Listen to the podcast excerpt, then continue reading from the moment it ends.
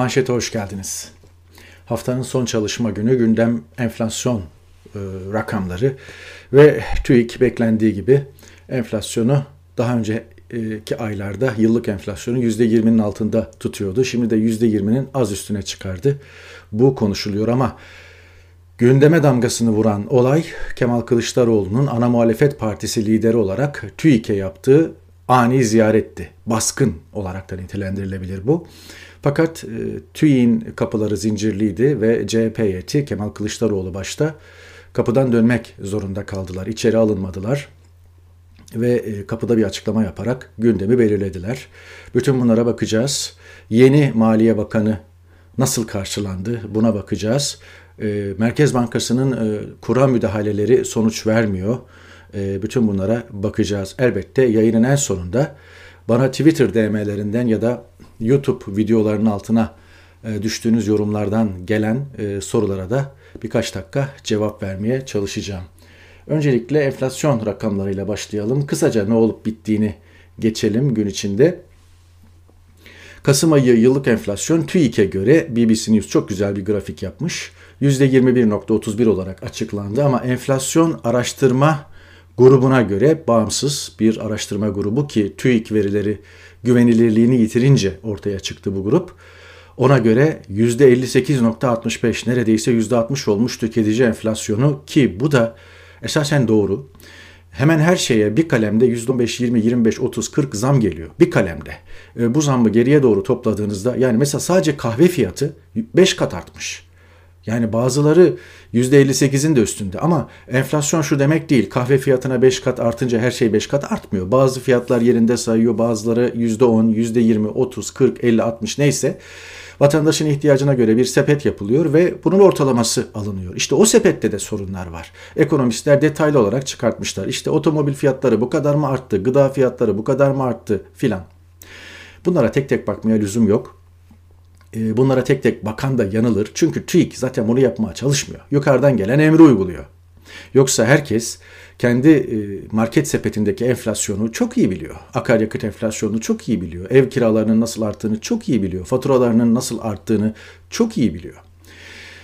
Ee, bir televizyon yöneticisi olsaydım Türkiye'de her ay e, belli tespit ettiğim ürünleri, temel e, ihtiyaç maddeleri veya temel giderler neyse baz alarak aylık enflasyonu ve yıllık enflasyonu hesaplamaya çalışırdım. Aynı yerden yapılan araştırmalarla. O da herhalde en az %60-70 çıkardı. Fakat işte dediğim gibi TÜİ'nin bunu düşük tutmasının nedenleri var. Bu ekonomi yönetimiyle alakalı baştaki tabi faiz sebep enflasyon sonuç diyen ekonomi yönetimiyle alakalı asgari ücrete veya pek çok kalemde yapılacak artışlara işte yakında toplu sözleşmeler var vesaire bunlara falan gidilirken de işte enflasyona bakılacak. E, enflasyona baktığınızda %58'e değil e, %20'ye bakacaksınız ve herkese diyeceksiniz ki enflasyon %20. Dolayısıyla biz sizi enflasyona yedirmeyeceğiz. Dolayısıyla %20 artış yapacağız. Şimdi 2825 ise asgari ücret %20 artış yapmak ne demek? Yaklaşık 500-600 TL'lik bir artış yapmak demek. 2825'lik asgari ücreti 600 lira artır, artırırsanız 3500 bile olmaz. Daha evvelki yayınlarda söylemiştim. Türkiye koşullarına bakarak söylüyorum. En az 5000 olması lazım asgari ücretin. Hatta yoksulluk sınırına çekilmesi lazım. Yoksulluk sınırı da 10.000 TL'nin üzerinde. Ama o hayal veya rüya en azından 5000'e çekilmesi lazım. Bunu yapacaklar mı? Onu da göreceğiz. Herkesin o yani asgari ücret komisyonunun önündeki rakam %20 enflasyon olacak ve ona göre bir artış yapma çalışacaklar. Ekonomistlerden çokça yorum geldi. Bunun gerçeği yansıtmadığına dair. Mesela Evren Devrim Zelyut AKP ile adım adım bir felakete yani hiper enflasyona gidiyoruz demiş ki biraz evvelki bağımsız enflasyon araştırma grubunun rakamlarına dayanarak. Ee, sadece e, şeyi alarak e, Türkiye enflasyonu 56-58 civarındadır diyor e, tweetin sonunda ama ortada e, TÜİK'in verilerine bakarak şunu söylüyor. Üretici fiyatları %54.62, TÜFE %21.31. Yani e, TÜİK TÜFE'yi düşük tuttu belki ama üretici fiyatlarına dikkatinizi çekerim diyor. Yani üretici fiyatları %54 ise Bu tüketici fiyatlarına da önümüzdeki aylarda yansıyacak. Ayrıca döviz bazlı işlemler veya döviz bazlı ham maddeler söz konusuysa. E şimdi o halde CHP liderinin marketçilere mektup yazmasını nereye koyacağız? CHP lideri un, yağ, süt, bulgur, makarna, mercimek, yumurta, peynir, tuz ve her ay bir çeşit sebze olarak saydığı 10 hayatta kalma ürününe bu kış zam yapmamalarını istemiş. E ama üretici fiyatları artıyor. Marketler marketlerin bir alış fiyatı var. Zam yapmamak demek ya aldığı fiyattan vermesi bir süre sonra da zararına satması demek. Marketler nasıl ayakta, kalacak? Dolayısıyla CHP lideri de bir anlamda popülizm rüzgarına kapılmış gibi görünüyor ama konuyu marketlere veya tüketiciyle e, tüketicinin alışveriş yaptığı dükkanlara falan veya akaryakıt istasyonlarına bağlamamak lazım. Bu onun gibi bir şey. Akaryakıt istasyonlarına diyoruz ki zam yapmayın. E, akaryakıt istasyonu kendi kafasına göre mi yapıyor zammı? Rafineriden ona göre geliyor. Evet. Ben de anlatıyorum. Temel Karamollaoğlu demiş ki Saadet Partisi Genel Başkanı TÜİK bugün kendisine sorulan saat kaç sorusuna siz kaç buyurursanız efendim cevabını vermiştir. Hani bundan birkaç gün önce ben burada ekrana getirmedim. Böyle şeyleri ekrana getirmeyi sevmiyorum. Sağlık Bakanı ile Erdoğan arasında bir muhabbet geçiyordu ya. Ne rakam açıkladı, rakam açıkladı mı falan böyle. Size sormadan rakam açıklar mıyız filan. Yani iyi, iyi şeyleri Erdoğan'a Erdoğan söylüyor. Kötü şeyleri e, başkaları söylüyor. Aynen onun gibi TÜİK yukarıdan gelen e, emri bekledi diyor Temel Karamollaoğlu. Gerçekte %60'lara yaklaşan yıllık enflasyonu 21.31 olarak açıklarken vicdanınızın yüzde kaçını kullandınız diye sormuş. Yargılanacaklar hepsi, hesap verecekler. E, Kemal Kılıçdaroğlu'nun geçtiğimiz ay yaptığı çağrı da buydu. Geçtiğimiz ay değil artık Ekim ayı. 18 Ekim'den sonra bürokratlar artık aldıkları hukuksuz emirleri dinlemesinler. Size süre veriyorum 18 Ekim'e kadar. 18 Ekim'den sonra hukuk, hukuksuz emirleri dinlemeyin demişti. Ama bürokratların tavrında değişen bir şey yok. Bakın her kalemde yani her alanda bir anda bir zam geliyor. Gelen zam %15, 20, 25, 30. Ki bu bir, bir defada gelen. 3 ay önce de gelmiş, 5 ay önce de gelmiş. Topladığınızda zaten %60'ı 70'i geçiyor. Fakat burada dikkatinizi çekeceğim şey şu. BOTAŞ sanayi ve enerji santralleri için doğalgaza %20 zam yapıldığını duyurmuş. E şimdi bu tüketiciye kadar yansıyacak bir konu. Peki BOTAŞ kimin? BOTAŞ'ın ipi kimin elinde? Yani hükümet e, markete e, savaş açıyor. Bir takım lobilere savaş açıyor. Şuna buna birazdan bakacağız. Fakat kendi elinde olan şeylerde indirime gitmediği gibi e, zam bindiriyor. Yani enerji fiyatlarını artırıyor, gecikme zamlarını geriye çekmiyor. Köprü, köprü geçiş ücretleri yani halka yansıyan pek çok konuda belli konularda KDV indirimine gitmiyor. Aklınıza gelebilecek her şeyde hükümet kendi elinde olan argümanları kredi kartı faizlerine falan çeşitlendirebilirsiniz. Kendi elinde olan argümanları, kendi tesisleri, devletin elinde olan artışları yapmaktan çekinmiyor. Eğer sen enflasyonla mücadele ediyorsan samimiyetini göstermen gerekiyor ve bu yönde bir samimiyet göster. Doğalgaz fiyatlarına zam yapma, elektrik fiyatlarına zam yapma. Evet. Faik Tünay paylaşmış. 50 senedir ailesi hayvancılık sektörü. Hayvancılık sektörünün içinde olan biri olarak söylüyorum ki hayvancılıktan çıkma kararı aldık çünkü yem maliyetlerine dayanmak mümkün değil demiş. Çiğ süt 3.20'den 4.70 oldu. İki gün sonra hemen yeme zam geldi yazıklar olsun diyor.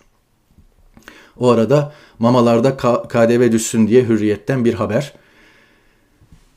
Bunun bir de şöyle bir tarafı var.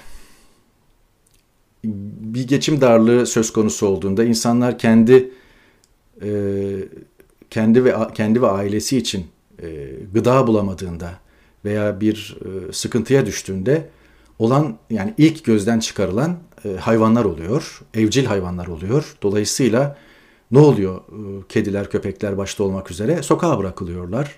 E, Türkiye'de böyle bir hayvanlar veya evde beslenen hayvanlar ruhsatlandırılmadığı veya işte lisanslanmadığı için neyse bir kimlik kartı falan olmadığı için çip takılmadığı için sokağa bırakmak serbest, ormana bırakmak serbest. Yakında bu yönde de bir patlama maalesef yaşanabilir. Daha önce vermiştik bir kere daha hatırlatalım. Metropol Ekim ayında gıda enflasyonunu halka sormuştu ve demişti ki sizce gıda ürünlerindeki fiyat artışı ne kadar? %100 veya üstü diyen 36, %50 ile %100 arası gıda fiyatları enflasyonu. Halkın görüşü. %50 ile 100 arası diyen de %34.4'tü. İkisini topladığınızda 70 ediyor. Yani halkın %70'i e, gıda enflasyonunun %50'den fazla olduğunu düşünüyor. Bunun yarısı da %100'ün üstünde olduğunu düşünüyor. Şimdi halk halkın e, yarısı yarısı diyorum halkın %70'i gıda enflasyonunun e, yüzde yüzde 50'nin üstünde olduğunu düşünüyorsa sizin açıkladığınız yüzde 20 enflasyona kim inanacak? Evet. Ve işte günün olayı Kemal Kılıçdaroğlu bir tweet attı sabah saatlerinde Türkiye saatiyle 10.06'da TÜİK'ten randevu istedim vermediler. Saat 11'de geliyorum haberiniz olsun. 10.06'da bu tweet attıktan sonra 11'de TÜİK'e gitti ve alınmadı. Kapılar demirliydi. İçeride güvenliği görüyorsunuz. Görüntüleri var. izlersiniz. CHP'nin kanallarında da bu ıı, yayımlandı. TÜİK devlet kurumu olmaktan çıkmış, saray kurumu haline dönüşmüştür diye bir açıklama yaptı. Öncesinde zaten ekonomik kurmayları kapıya gittiler ve içeri alınmadılar. E, şunu söyleyeceğim. Bunu geçtiğimiz ay e, Kemal Kılıçdaroğlu Merkez Bankası'nda denemişti ve başarılı olmuştu. Mühim bir hamleydi. Buradan da gerçekten bu hamleyi alkışlamıştık. E, bugüne kadar niye e, beklediniz, niye bugüne kadar bu tür adımları atmadınız da diye de şerh düşmüştük. Ama zararın neresinden dönülse kardır. Bak, güzel yani devlet kurumlarına yani YÖK'e de gidilmeli, RÜTÜK'e gidilmeli, baskınsa baskın yapılmalı. TRT'ye gidilmeli, her yere gidilmeli e, ve e, vatandaşın hakkı sorulmalı, vatandaşın hakkı aranmalı. Enflasyon gündemde olunca da ve açıklandıktan sonra da TÜİK'e gidiyor CHP heyeti ve işte kapılar zincirli. Geçtiğimiz e, ay hatırlayın Merkez Bankası'ndan e, aynı gün randevu istemiş ve Merkez Bankası Başkanı Şahap Kavcıoğlu Kemal Kılıçdaroğlu'na randevu vermiş. Görüşme gerçekleşmiş. Görüşmenin ardından da e, kapıdaki mikrofonlara açıklamalar yapılmıştı. Mühim bir hamleydi belli ki bu sarayı çok rahatsız etti. Ben zannetmiyorum Merkez Bankası sarayın bilgisi haricinde böyle bir randevu versin ve e, Kemal Kılıçdaroğlu ile konuşsun. Mutlaka sarayın bilgisi dahilinde olmuştur. Fakat saray bu izni verdikten sonra sarayın bilgisi dahilinde olmasın ya da Merkez Bankası'nda böyle bir olay gerçekleştikten sonra randevu ardından açıklama bir dakika ya nereye gidiyoruz diye düşünmüştür saray. Yani belli ki ana muhalefet artık her kuruma böyle gidecek. TÜİK'e gidecek, YÖK'e gidecek, RÜTÜK'e gidecek, TRT'ye gidecek, Diyanet'e gidecek. Yandık yani. Ee, ve muhtemelen bir iç genelgeyle veya telefonlar çalıştı belki de WhatsApp grupları bu kurumlara talimat gitti. Ana muhalefetten size randevu gelirse kesinlikle kabul etmeyin işte şu standart açıklamayı yapın diye. Bize de sormayın diye belki de gitmiştir. Ya da bize sorun filan da denmiş olabilir. Bir talimat olduğu net ve bu talimat hani Merkez Bankası'nda e, biz size kapıları açtık ama artık yok. Çünkü bu iş bize yaramıyor ve bu iş kötü bir noktaya doğru gidiyor. Muhtemelen saray TÜİK hamlesiyle bunu boşa çıkardı ve bundan sonraki hamlelerde de boşa çıkaracak gibi görünüyor. CHP heyeti yılmamalı, diğer muhalefet partileri de biraz evvel saydığım kurumlar başta hepsine yeri geldikçe gidip sormalı. Sen böyle söyledin, sen böyle bir karar aldın, sen böyle bir uygulamada bulunuyorsun. Ee, anlat bana neden diye sormalı. Almıyorlarsa almasınlar. Diyanet'in kapısında açıklama yapsın. TRT'nin kapısında açıklama yapsın. YÖK'ün kapısında açıklama yapsın. Sayıştay'ın, Danıştay'ın, Yargıtay'ın, Anayasa Mahkemesi'nin kapısında açıklama yapsın. Aklınıza gelebilen bütün kurumlar hepsinin kapısında açıklama yapsın. Dijitürk'ün kapısında açıklama yapsın.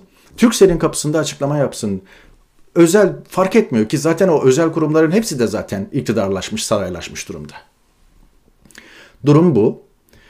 Eser Karakaş, Ana Muhalefet Partisi başkan ve milletvekilleri TÜİK'e sokulmuyorlar, randevu verilmiyor. Bu bir devlet skandalıdır demiş. Uğur Gürses ise TÜİK daha önce kapalı tutmadığı sürgülü demir kapıları bile kapatmış. Bu da bir detay. Merkez Bankası Başkanı'nın yaptığını yapabilirlerdi. Niye yapmadıklarını anlattım. Böyle yaparak daha iyi yaptıklarını mı sanıyorlar? Enflasyonu açıkladı, açıkladıkları gün hem de. Böyle yaparak daha iyi yaptıklarını e, zannedip zannetmediklerini, düşündüklerini bunu hesaba kattıklarını zannetmiyorum. Çünkü yukarıdan gelen talimatla iş yapıyorlar. O arada Süleyman Soylu sert çıkmış ve şu grafiği açıklamayı kendi Twitter hesabından paylaşmış. Hemen Kılıçdaroğlu'nu suç ve suç örgütleriyle ilişkilendirmiş filan. Fakat burada dikkat çekip dikkat çeken şey şu. İşte suç örgütlerinin ağına düştü falan diyor. Onlara özeniyor diyor. Mekan basmaya gitmez. Ana Muhalefet Partisi Genel Başkanı suç örgütlerinin ağına düşüp onlara özenip mekan basmaya gitmez. TÜİK bir mekan değil ki. Ama e, Süleyman Soylu öyle tuhaf mafyatik ilişkiler içinde ki her yeri mekan olarak algılıyor. Mekan dediğiniz yer neresidir? Restorandır, oteldir, lokaldir. Öyle bir mafyatik mafyatik şebekenin e, içinde ve öyle bir jargonla düşünüyor ki TÜİK de onun için artık bir meka- mekan ve mekan basmaya gitmiş oluyor şey. E, Kemal Kılıçdaroğlu. Evet. Bu içindeki şeyi göstermesi açısından da önemli. Bu arada arayışımız sürüyor. Hemen her gün işte Karadeniz'de gazı bulduk şu bu falan derken Hürriyet bir adım daha götürerek e, Erdoğan'ın ağzından Çin örneğiyle e, bir şey vermiş. E, müjde vermiş efendim. Türkiye'nin avantajı daha fazla. Cumhurbaşkanı Erdoğan ekonomide yeni dönemin yeni yol haritasını anlatırken Çin'i örnek verdi. Çin böyle büyümüş biz onlardan daha avantajlıyız demiş filan. Çin modeli nedir filan. Bu arada Çin'in e, tam sayfa ilanları çıkıyor Türkiye gazetelerinde. Tabii gazeteler okunmadığı, satın alınmadığı için siz görmüyorsunuz ama ben arada rastlıyorum. Bu bir ilandır falan diye sağına soluna köşesine koyuyorlar ama Çin'in tam sayfa Çin mucizesi nasıl oldu, Çin nasıl başarılı oldu falan diye tam sayfa ilanlarla e, Çin modeli Türkiye kamuoyunda epey böyle bir propagandası yapılıyor. Onu da söyleyeyim son birkaç aydır yoğunlaştı bu. Hemen üstüne böyle bir manşet gelmesi de son derece anlamlı. Fakat Yeni Şafak'ın manşeti çok daha e, tedirgin edici ve tehdit içeriyor. Çünkü diyor ki bankalar ve TÜSİAD kurla oynuyor. Sağdaki spotları okuyorum. Kredi ihtiyacı olana değil dövizi olana. BDDK, Merkez Bankası ve MASAK taviz vermesin. İşte demin saydığım kurumlara BDDK ve MASAK da eklenebilir. BDDK'ya gitsin ana muhalefet ve partiler. MASAK'a da gitsinler. Ve en son döviz stoklamak önlenebilir diyor. İşte burada o korkulan döviz mevduat hesaplarının başına bir şey gelir mi, başına bir şey gelecek mi korkusu da geliyor. Yüz milyarlarca dolar döviz mevduat hesabı var ve bu belli bir kurdan çevrilebilir, tutulabilir, şu olabilir, bu olabilir. Bir kere daha söyleyeyim bunun karşılığı yok zaten. Bunun karşılığı başta İngiltere olmak üzere dünyada yapılan swap anlaşmalarında teminat olarak gösterildi. Vatandaşın bankalardaki döviz mevduatı. Döviz stoklamak önlenebilir diyor. Evet. Bu spotu veya bu başlık altında yazılanları daha e, önemsiyorum. Altına okuyun. Merkez Bankası'nın atabileceği bir diğer adım reel sektör tahvillerini alarak doğrudan kaynak aktarımı yapmak. Bankaların merkezde tuttuğu atıl fonlar da sisteme yeniden sokulabilir. BDDK bankaların döviz toplamasının önüne geçebilir. Dolar mevduatı düşük bankaların daha az zorunlu karşılık tutması sağlanabilir. Ondan dolayı işte kiralık kasa bulunamıyor artık bankalarda veya insanlar mevduatını bir şekilde çekip bir yerlerde koruma ya da işte yurt dışı hesaplarda değerlendirme yoluna gittiler. Evet. Böyle tuhaflıklar e, yaşanıyor. Yine bazı kulisler var ki bir takım iş adamlarına talimatlar gidiyor. İşte şu kadar milyon dolarınız var veya şu kadar işte 100 milyon dolarınız var neyse bunu satın. Ve bunu yapanlar oluyor, direnenler oluyor. Böyle kulisler de var. Evet. Tam da bu e, aşamada şöyle bir e, Lehman Brothers korkusu TL Avrupa'yı da vurur mu başlıklı Doçevele'de mühim bir haber yayımlandı. TL'deki rekor değer kaybı Avrupa'yı da endişelendiriyor. Ee, Alman bir uzman, Christian bilmem kim, e, Türkiye'nin kredi borçlarını ödeyememesinin Avrupa piyasalarını olumsuz etkil, etkileyebileceği tahmininde bulunmuş. Yani bu haberin detayını Doçevele'den okursunuz. Yani e, alacaklılar da borçlarının vadesinde ödenip ödenmeyeceğinden kuşkulu. Şunu unutmayın. Batı, Avrupa veya işte Türkiye'de parası olanlar Türkiye'nin veya benzeri bir ülkenin batmasını istemez. Sizin alacağınız var. Borçlunuzun batmasını ister misiniz? Borçlunuzun borcunu ödeyebilecek durumda olmasını istersiniz. İşlerinin yolunda gitmesini istersiniz. Karlılığının sürmesini istersiniz ki size olan borcunu ödeyebilsin. Kişi batarsa veya kurum, şirket neyse batarsa, kim size borçluysa e siz de batarsınız. Çünkü borcunuz batar. Adam ödeyemiyorum der. Ülke e, borçlarımı ödeyemez durumdayım. Bir bardak su için der veya işte neyse yaptırımları ona göre bir yola girilir. Yeniden yapılandırma olur, başka şeyler olur. Kim ister bunu? Kimse istemez. Dolayısıyla Avrupa'dan gelen uyarıyı da böyle okumak gerekiyor. Yani Avrupa kendi alacağının peşinde. Avrupa Birliği ülkeleri en başta. Dolayısıyla şunu aklınızdan çıkartın. Türkiye'yi batırmaya çalışıyorlar. Niye batırmaya çalışsın? Yüz milyarlarca dolar alacağı var bu insanların. Dolayısıyla Türkiye'nin de Türkiye'deki şirketlerin de veya işte e, oradaki borçluların da kimden alacakları varsa batmasını istemezler. Hatta daha iyi durumda olmasını isterler. Bunu da hatırlatmış olalım. Devamla Nurettin Nebati güzellemeleri işte Ahmet Hakan yazmış Hürriyet'te Nebati'nin gelişine dair ekonomide başarılı olmak için atılması gereken adımdı bu bakan değişimi demiş. Ee, Abdülkadir Selvi de Nebati yeni ekonomi politikalarının mimarlarından demiş. Yarın öbür gün o gider, Erişah gelir, başkası gider. O zaman da ona aynı şeyi e, döşerler. Bunların gerçekten şeyi yok. Yani Lütfi Elvan için, ondan önceki bakanlar için yazılanları hatırlayın. 3 yılda 4 Merkez Bankası baş, e, Başkanı değişmiş. 3 yılda 4 Merkez Bankası ki Merkez Bankası Başkanlığı geriye doğru bu işi bilenler bilirler. E, uzun soluklu bir iştir. Uzun yıllar sürer. Kişi oradan emekli olur. Yine aynı şekilde 13 ayda 3 Maliye Hazine Maliye Bakanı değişti. Berat Albayrak gitti. Lütfi Elvan geldi. Şimdi de Nurettin Nebati. Eser Karakaş Merkez Bankası ikinci müdahaleyi yapıyor ama kurtla, kurlar hala yükseliyor. Merkez Bankası için ne büyük prestij sorunu demiş. Merkez Bankası Başkanı'na bakalım. Faiz indirimi için sınırlı alan kaldı. Bu alanı büyük ölçüde bitirdiğimizi düşünüyorum. Yani bu ayda bir puan faiz indireceğim. 15'te 14'e indireceğim. Ondan sonra da kimse beklemesin gibi bir şey bu. Ki zaten para politikaları değerlendirmesinde geçtiğimiz ay Aralık içinde benzer bir faiz indiriminin düşünüldüğü not düşülmüştü. Onu söylüyor. Ve 15'ten 14'e çekeriz. Gene birileri zengin olur. Doldur boşalt olur. Merkez Bankası kamu bankalarını fonlar. Şöyle olur böyle olur. Ondan sonra e, devamlı da şunu söylemiş. Merkez Bankası'nın piyasaya müdahalesi oynaklığı gidermeye yönelik. Evet. Wall Street Journal ülkeden paralarını çektiler başlıklı bir analiz e, yayımlamış. Nurettin Nebati'nin yeni bakan olarak atılması, e, atanmasını getiriyor ama Maliye Bakanlığı'na getirilen ismin Cumhurbaşkanı Erdoğan'a sadık biri olduğuna dikkat çekiliyor ve diyor ki bu değişiklik Erdoğan'ın yükselen enflasyona rağmen faiz oranlarını düşürmesi için Merkez Bankası'na baskı yapması ve hızlı şekilde değerinin yaklaşık %45'ini kaybeden Türk lirasındaki baş döndürücü düşüşün hemen ardından geldi. Türkiye uzun süredir sermaye girişi için yabancı yatırımcılara güveniyor. Ancak birçok fon yöneticisi, işte burada dikkatinizi çekiyorum. Birçok fon yöneticisi Merkez Bankası Başkanı'nın sürpriz şekilde görevden alınmasının ardından ülkeden parasını çekti. Şöyle çekileyim siz de rahatça okuyun. Birçok fon yöneticisi Merkez Bankası Başkanı'nın sürpriz şekilde görevden alınmasının ardından ülkeden parasını çekti. Evet.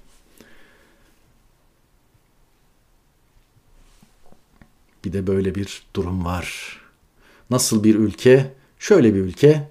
Avrupa Konseyi Osman Kavala kararı nedeniyle resmen Türkiye hakkında ihlal süreci başlattı.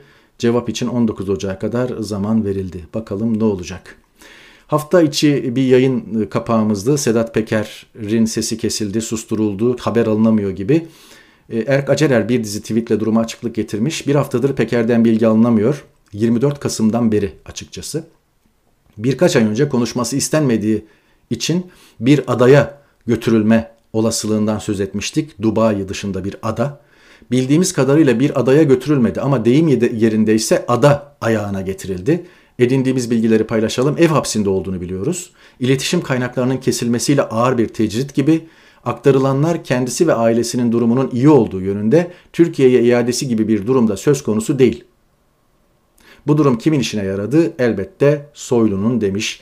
Dubai ile geliştirilen ilişkiler, son dönemde fena halde karşılıklı gidip gelmeler, veliaht düzeyinde işte karşılıklı 10 milyar dolarlık anlaşma falan filan elbette Sedat Peker konusu da mutlaka masada söylenmese de ve onun etkilerini de galiba görüyoruz, göreceğiz. Son bir not. E, Ben de paylaştım Twitter'dan videosunu. Sonra sildim. Öyle kolay kolay tweet silmem ama e, yaptığım paylaşım hatalı olduğu için sildim. Beni de yanıltan bu haber oldu. BBC Türkçe bu haberi girmişti. CHP'li Bolu, Bolu Belediye Başkanı Tanju Özcan iki nokta üst üste Cumhurbaşkanı'nın faize karşı başlattığı bu savaşta yanındayım falan. Başka şeyler de söylüyor. İşte e, faiz e, sebep enflasyon sonuçtur diyor. Her gün her sabah diyor ona dua ediyorum falan.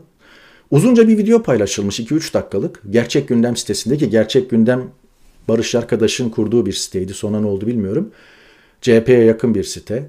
Ee, BBC'de böyle haber çıktı. Pek çok CHP'li paylaştı. Ne yapıyorsun sen ne diyorsun bir dakika falan filan diye.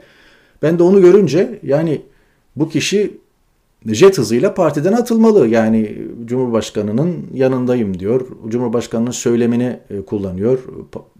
Partinin ekonomi sözcüsünün e, yaptığı açıklamalara eleştiriyor falan.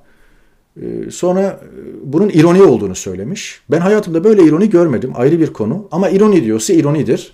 Sonrasında da ben de tabii paylaştığım şeyi kaldırdım. Fakat bir iletişim danışmanına, bir iletişimciye, bir basın e, işte sosyal ağlar neyse medya iletişimine falan ihtiyacı var. Böyle upuzun 3-5 dakikalık videolarla ironi yapılmaz. E, ve herkes de orada dinlediği Tanju Özcan'ın o şekilde konuştuğunu anlar. Ve koca koca siteler yığınla editörler, editör barındıran e, artı CHP'li hesaplar falan herkes bu şeye düşmüş, ironiye düşmüş veya bunun ironi olduğunu anlamamış. O açıdan çok da e, olan biten şeyi mazur göremiyorum. Ama ironi dedi. Tamam ironi. E, biz de onu öyle kabul edelim. Evet. Türkiye borçlarını ödeyemezse diye niye yazdığımızı şimdi anladınız mı? İşte bundan.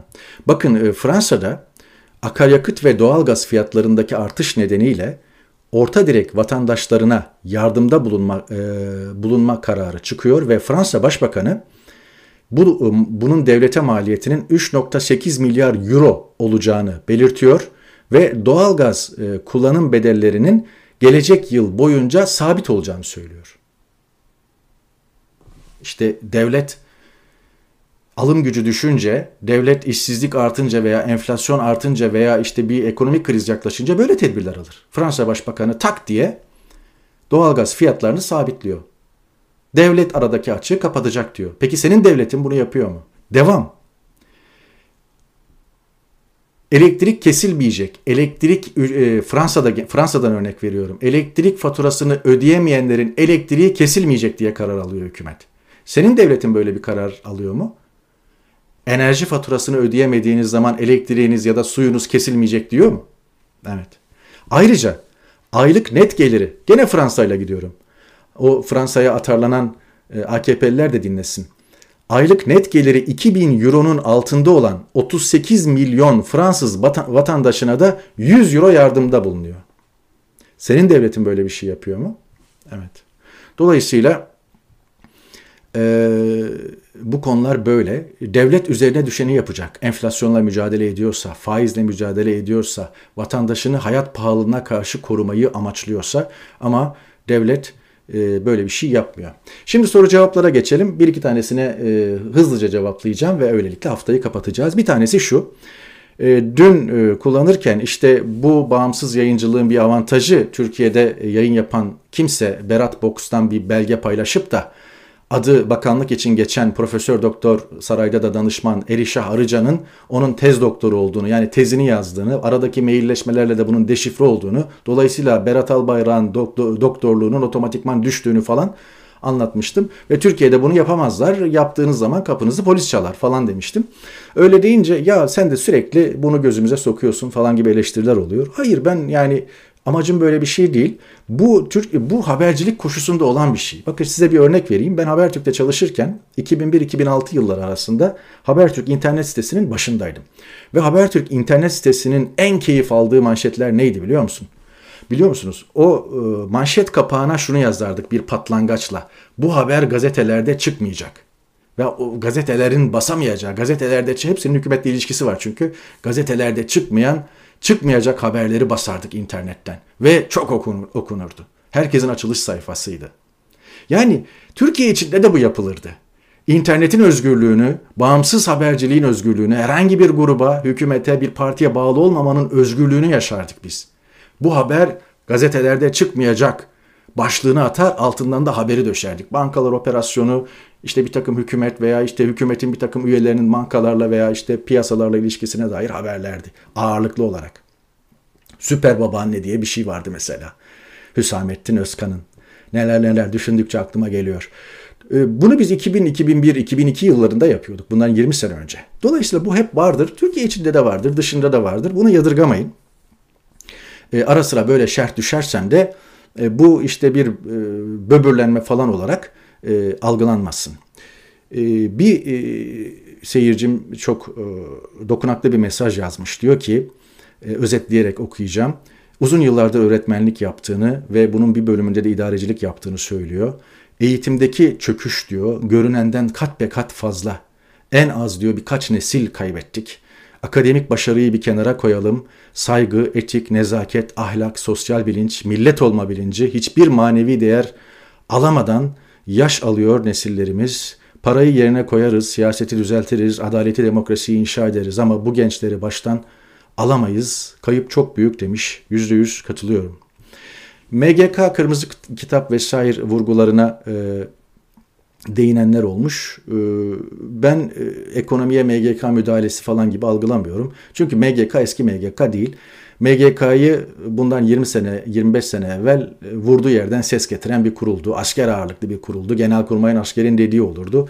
Bugünkü MGK artık saray MGK'sıdır. İçinde asker üyeler olsa dahi. Çünkü buna, buna böyle bakın. Sarayın bir ekonomi istişare kurulu gibi bir şey yani. Ya da işte baş danışmanlarla yaptığı toplantı gibi bir şey. MGK bugünkü MGK'yı ve kırmızı kitabı. Kırmızı kitaba ne koyarlar, ne çıkartırlar çok fazla önemsememek lazım. Şunu unutmayın. Bugünkü iktidar işte Demirel gitti, Özal geldi. E, Çiller seçimi kaybetti, Mesut Yılmaz geldi. Veya Çiller'le Mesut Yılmaz gitti, Erbakan geldi. İşte bir hükümet değişimi filan işte onlar gitti bunlar geldi bunlar da gider başkaları gelir gibi algılamayın. İşin şöyle bir tarafı var. Özellikle son 10 senede ve özellikle son 8 senede hemen her yeri tutmuş durumdalar. Ben 7 Haziran 2015 seçimlerinden 3 gün sonra yazdığım yazıda bırakamazlar iktidarı. Bu kadar kurumu hepsini tek tek saymıştım. TRT'den Diyanet'e, yargıdan emniyete, oradan işte efendim uyduya, büyük, elçiliklere, Anadolu Ajansı'na hemen her yer yani şu anda çok daha 2015 7 Haziran seçimlerinin üzerinden 6,5 sene geçti. Şu anda her yeri tutmuş durumdalar. Dolayısıyla bırakamazlar. Bürokrasisinden askerine, valilerine, kaymakamlarına, il ilçe seçim kurullarına, yurt dışı temsilciliklerine yani her yerde varlar ve her yere çökmüş durumdalar ve bütün devlet kaynaklarını, kamu bankaları falan dahil ve özel bankalarda dahil hepsini hepsinden hortumları kendilerine bağlamış durumdalar.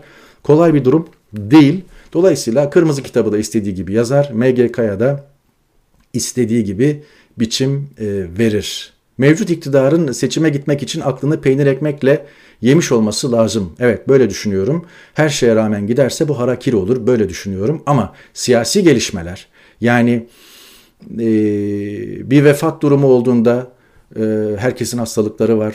Sadece Erdoğan'ın değil Devlet Bahçeli'nin de. Kartlar yeniden karılır. Ya da partiler bölündüğünde, MHP desteğini çektiğinde o zaman başka siyasi sonuçlar ortaya çıkar. O zaman tekrar bakılır. Elbette böyle bir durumda çokça dile getirilen Mayıs'ta seçim veya yaz başında seçim söz konusu olabilir. Ama mevcut koşullar devam ettiği sürece iktidar, iktidarın bileşenleri, bileşenleri AKP liderliği ve MHP liderliği aklını peynir ekmekle yemiş olması lazım.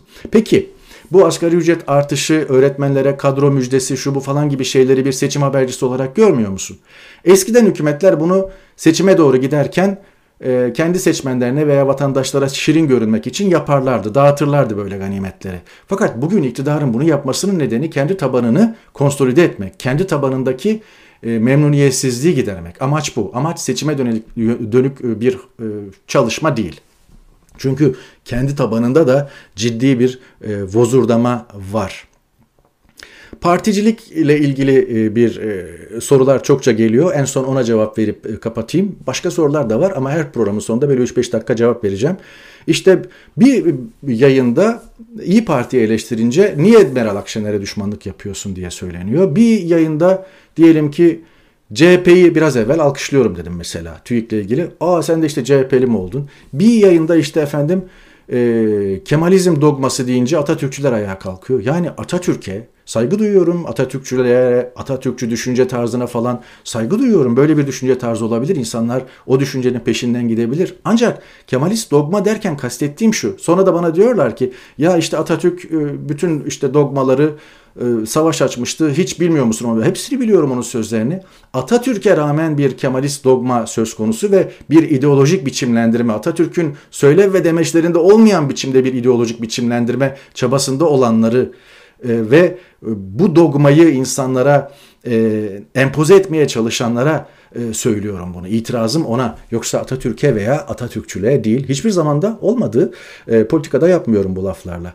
Bir partiyi eleştirmek veya bir partinin bir politikasını yermek, e, olumlu eleştirmek, olumsuz eleştirmek, yanlış yaptı demek, doğru yaptı demek, e, sizi ne o partiden yapar ne de o partiye karşıt yapar. Bütün partilere AKP müstesna eşit mesafedeyim.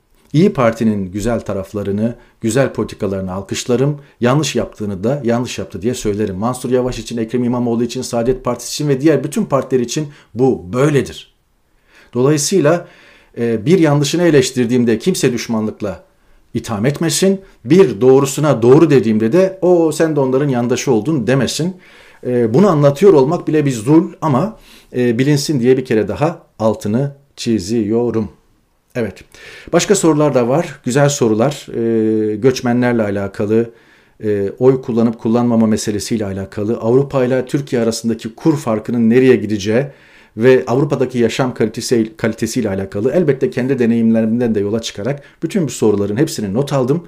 Hiçbirini ihmal etmiyorum. E, soruları cevapladıkça bir tik atıyorum. Cevaplamadığım soruları da sonraki programa bırakıyorum. Önümüzdeki hafta gene her programın sonunda 3-5 dakika e, soruları cevaplamayı sürdüreceğim. Twitter'da DM'den yazabilirsiniz. E, bu videoların altında YouTube yorumlara da sorularınızı, olumlu olumsuz eleştirilerinizi bırakabilirsiniz. Böylelikle bir haftayı daha sonlandırıyoruz. Herkese iyi hafta sonları. Pazartesi görüşmek üzere efendim. Hoşçakalın.